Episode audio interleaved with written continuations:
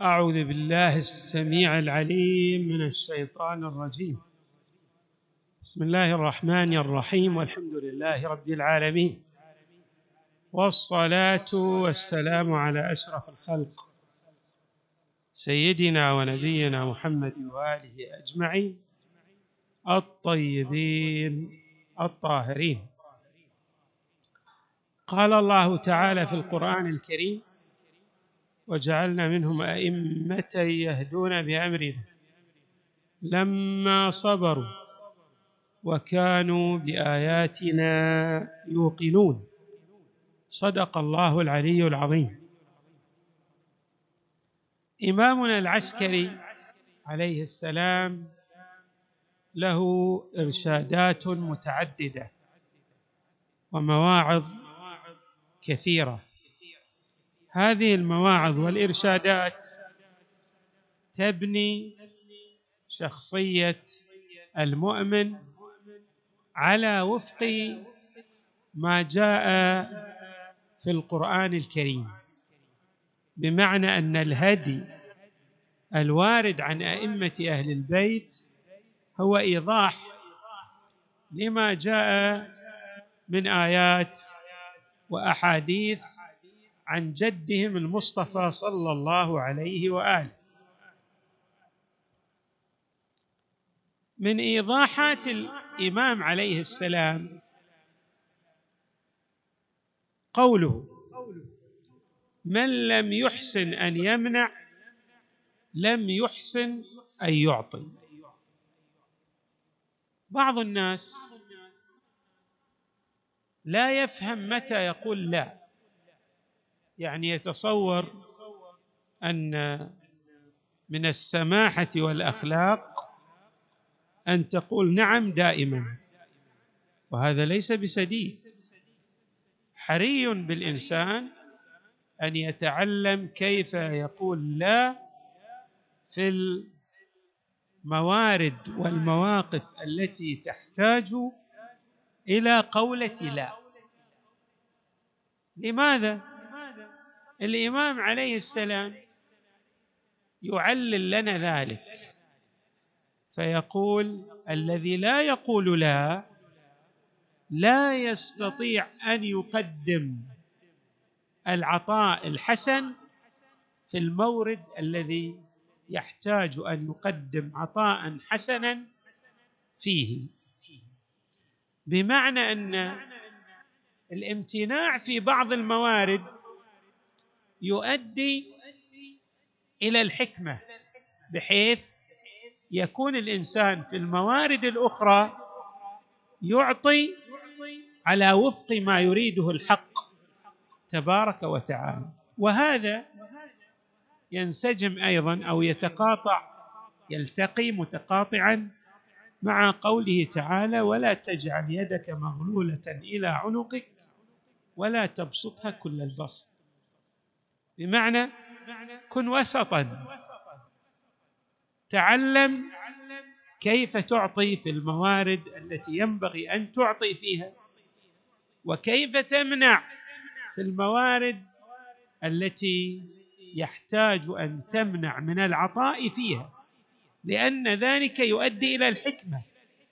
وإذا أعطيت في مورد أو في الموارد كلها سوف لن تستطيع أن تعطي في الموارد التي تحتاج إلى أن تعطي فيها.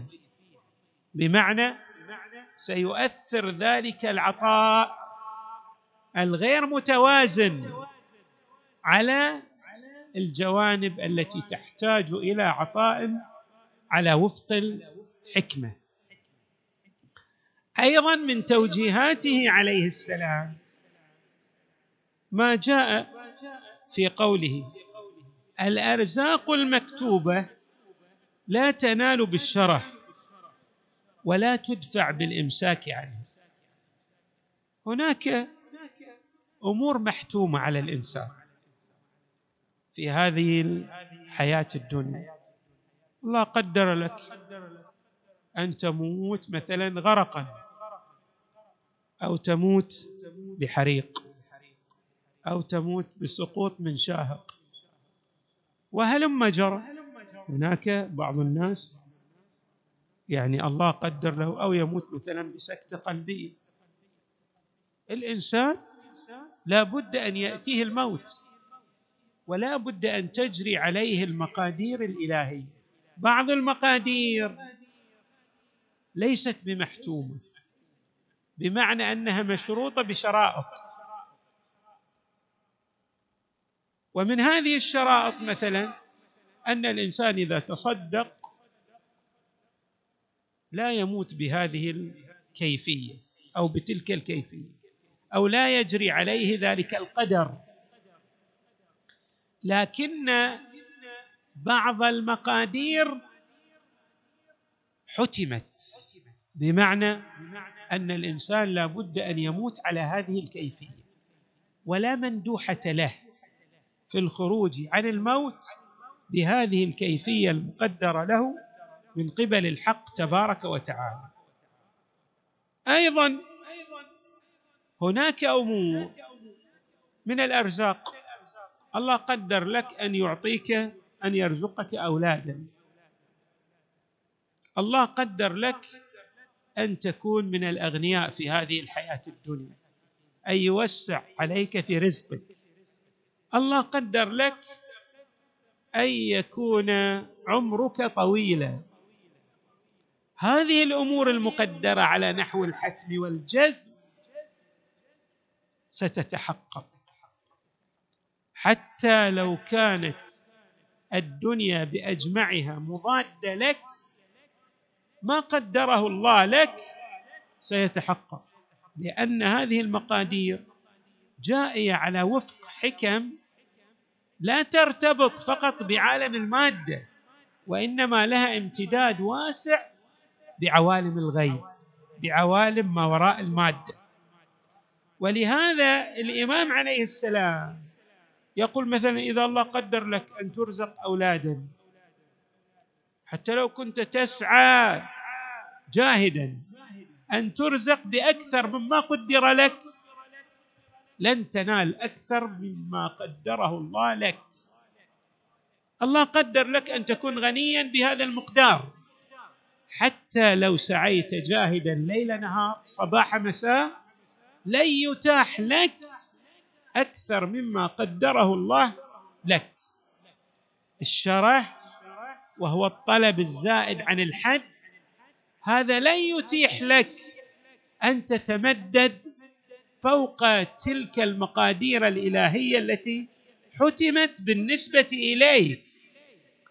وكذلك أيضا الاشواء التي قدرت لك على نحو الجزم والحد لا بد أن تصل اليه لا بد أن تموت بالكيفية التي علم الله أن تموت بها.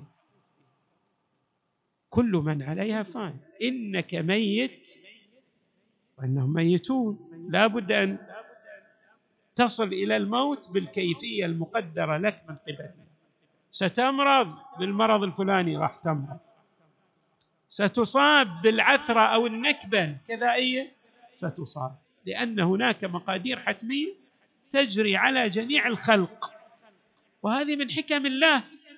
لكي يستشعر الإنسان الفقر والعبودية لله. لأن الإنسان إذا لم تجري عليه هذه المقادير راح يتصور أنه ماذا؟ يطغى يطغى.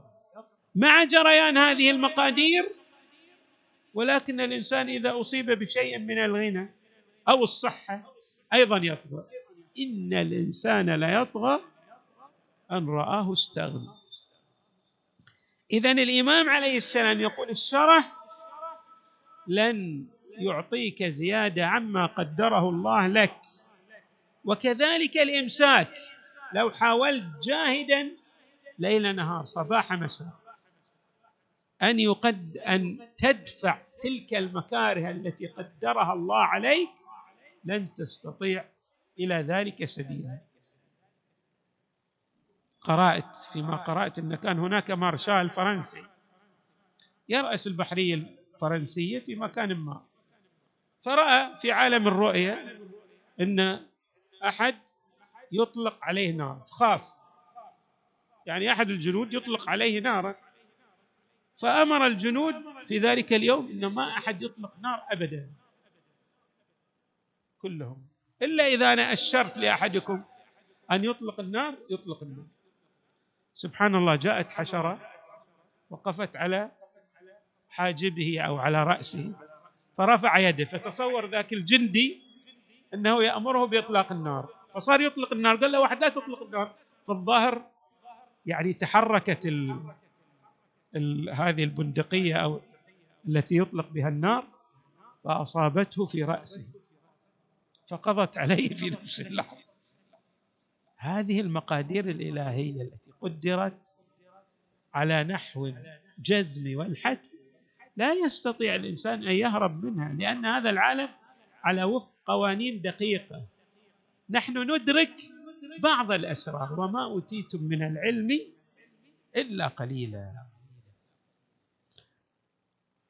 أيضا الإمام يقول لا تعجل بحوائجك قبل وقتها فيضيق قلبك وصدرك ويغشاك القنوط هناك بعض الناس راح ياتيه رزقه كما اسلفنا ولكن بعضهم يأتي الرزق الواسع في منتصف عمره بعضهم مثلا تقضى له بعض الحوائج بعد بعد أشهر بعد سنوات. هو لا يعرف هذه المقادير. لكن بعض الناس قد يصاب بشيء من القنوط واليأس لأنه يدعو الله دائما ويرى أنه لم يقضي الله له حاجته. لحكمة كما يشير إمامنا السجاد عليه السلام. ولعل الذي أبطأ عني هو خير لي لعلمك بعاقبة الأمور. الإنسان ما يعلم بعواقب الأمور. الامام عليه السلام يقول لا تعجل بالحوائج. هذه الحوائج لها أوقات لها مقادير. إذا جاء وقتها ستتحقق بإذن الله تبارك وتعالى. وكما أشرت فيما سلف من الكلام بأن المقادير تجري على وفق حكم لا يدركها إلا الحق تبارك وتعالى لأن هذا العالم بشراشر وجوده كما يعبر الحكماء يرتبط بالله تبارك وتعالى. الله لا إله إلا هو الحي القيوم. يعني كل شيء يقوم بوجوده. ويقول إمامنا العسكري عليه السلام في رائعة من روائعه لا يعرف النعمة إلا الشاكر ولا يشكر النعمة إلا العارف. الشكر مطلوب منه. قليل من الناس يكون من الشاكرين. كما ذكر ذلك الحق تبارك وتعالى وقليل من عبادي الشكور الشكر ما هو؟ الشكر يفرق عن الحمد. الحمد إحنا نحمد الشيء بأزاء لو واحد قدم لنا شيء ممكن أن نحمده على ما قدمه. بس واحد ما قدم لنا أي شيء لكنه شجاع. نثني عليه أو نذكر شجاعته هذا حمد له. الحمد هو الثناء بالجميل سواء قدم لنا ذلك المحمود من قبلنا شيئا أو لم يقدم. بس الشكر ما هو؟ الشكر لا أن يقدم لنا شيئا. فنثني عليه بأزاء ما قدمه لنا. الله ماذا قدم لنا؟ أعطانا وجودنا وأعطانا جميع النعم التي نرسل بها. ما عندنا شيء إلا من عند الله. قال الله تعالى وما بكم من نعمة فمن الله. لكن هذه النعم ندبنا الله دعانا الله إلى شكرها. وقال تعالى لئن شكرتم لازيدنكم من يعرف؟ من يعرف النعمة؟ الذي يعرف النعمة هو الذي يعرف الله تبارك وتعالى وأنه هو المنعم. وبالتالي يثني على الله شاكرا لأنعمه. لا يستطيع أحد أحد أن يشكر النعمة وهو ليس بعارف بالله. النعمة تحتاج إلى العرفان بوجود الله وأن ما لديك بالنعم هي من عند الله تبارك وتعالى. الإمام العسكري عليه السلام يقول لا يعرف النعمة إلا الشاكر والشاكر هو العارف بالله. ما يمكن أن تشكر الله وأنت لست بعارف. ولهذا ترون الإمام الكاظم عندما مر على شخصية من شخصيات بغداد كما هو مذكور ورأى تلك الجارية يعني تضع بقايا الطعام في الزبالة. سطر القمامة. سألها. قال لها أس يعني هذا المالك لك. أسيد أم عبد؟ قالت له هذا صاحب النعم كيف يكون عبد؟ هل معقول أن يملك هذه الجارية؟ عبد؟ قال لها صدقت. لو كان عبدا لما فعل ذلك. ظهر شقيق البلخي. فهذا أو بشر الحافي واحد مما لما تذكر ولكن هذه عندما استبطأ هذا سيدها قال مع من كنت تتحدثين ذكرت أوصاف الإمام الكاظم عليه السلام. فقال نعم. يعني فهم المغزى والمعنى الدقيق لقول الإمام أصاحبك هذا سيد أم عبد؟ هذا أوصل رساله على حد تعبير من الحديث يعني مسج مؤثر جدا. قال لا لو كان هذا عبد لله لما كفر بهذه النعم. لأن كفران النعم يدلل على عدم العبودية لله. ولهذا الله تعالى قليل من عبادي الشكور. العبد الحقيقي هو الذي يشكر الله ويصرف أنعم النعم في الموارد المقررة. هذا الشكر الحقيقي. لا يعرف النعمة يقول العسكري سلام الله عليه. إلا الشاكر ولا يشكر النعمة. شفتوا؟ المعنى الذي شرحنا. إلا العارف. لأن ما ما يستطيع أحد أن يشكر الله. وهو لا يعرف الله تبارك وتعالى. إذ لا يدرك حقيقة الإنسان لحقيقة وجوده إلا من خلال فهمه. لكيفية ارتباطه بالله تبارك وتعالى وأنه لا وجود له إلا بالله. لا حول ولا قوة إلا بالله العلي العظيم. نسأل الله أن يجعلنا من الشاكرين الذاكرين وأن نكون مع إمامنا العسكري عليه السلام ومع ابنه الإمام المهدي ومع آبائه الميامين وأجداده الطيبين صلوات الله وسلامه عليهم أجمعين والحمد لله رب العالمين. وصلى الله وسلم وزاد وبارك على سيدنا ونبينا محمد وآله أجمعين الطيبين الطاهرين.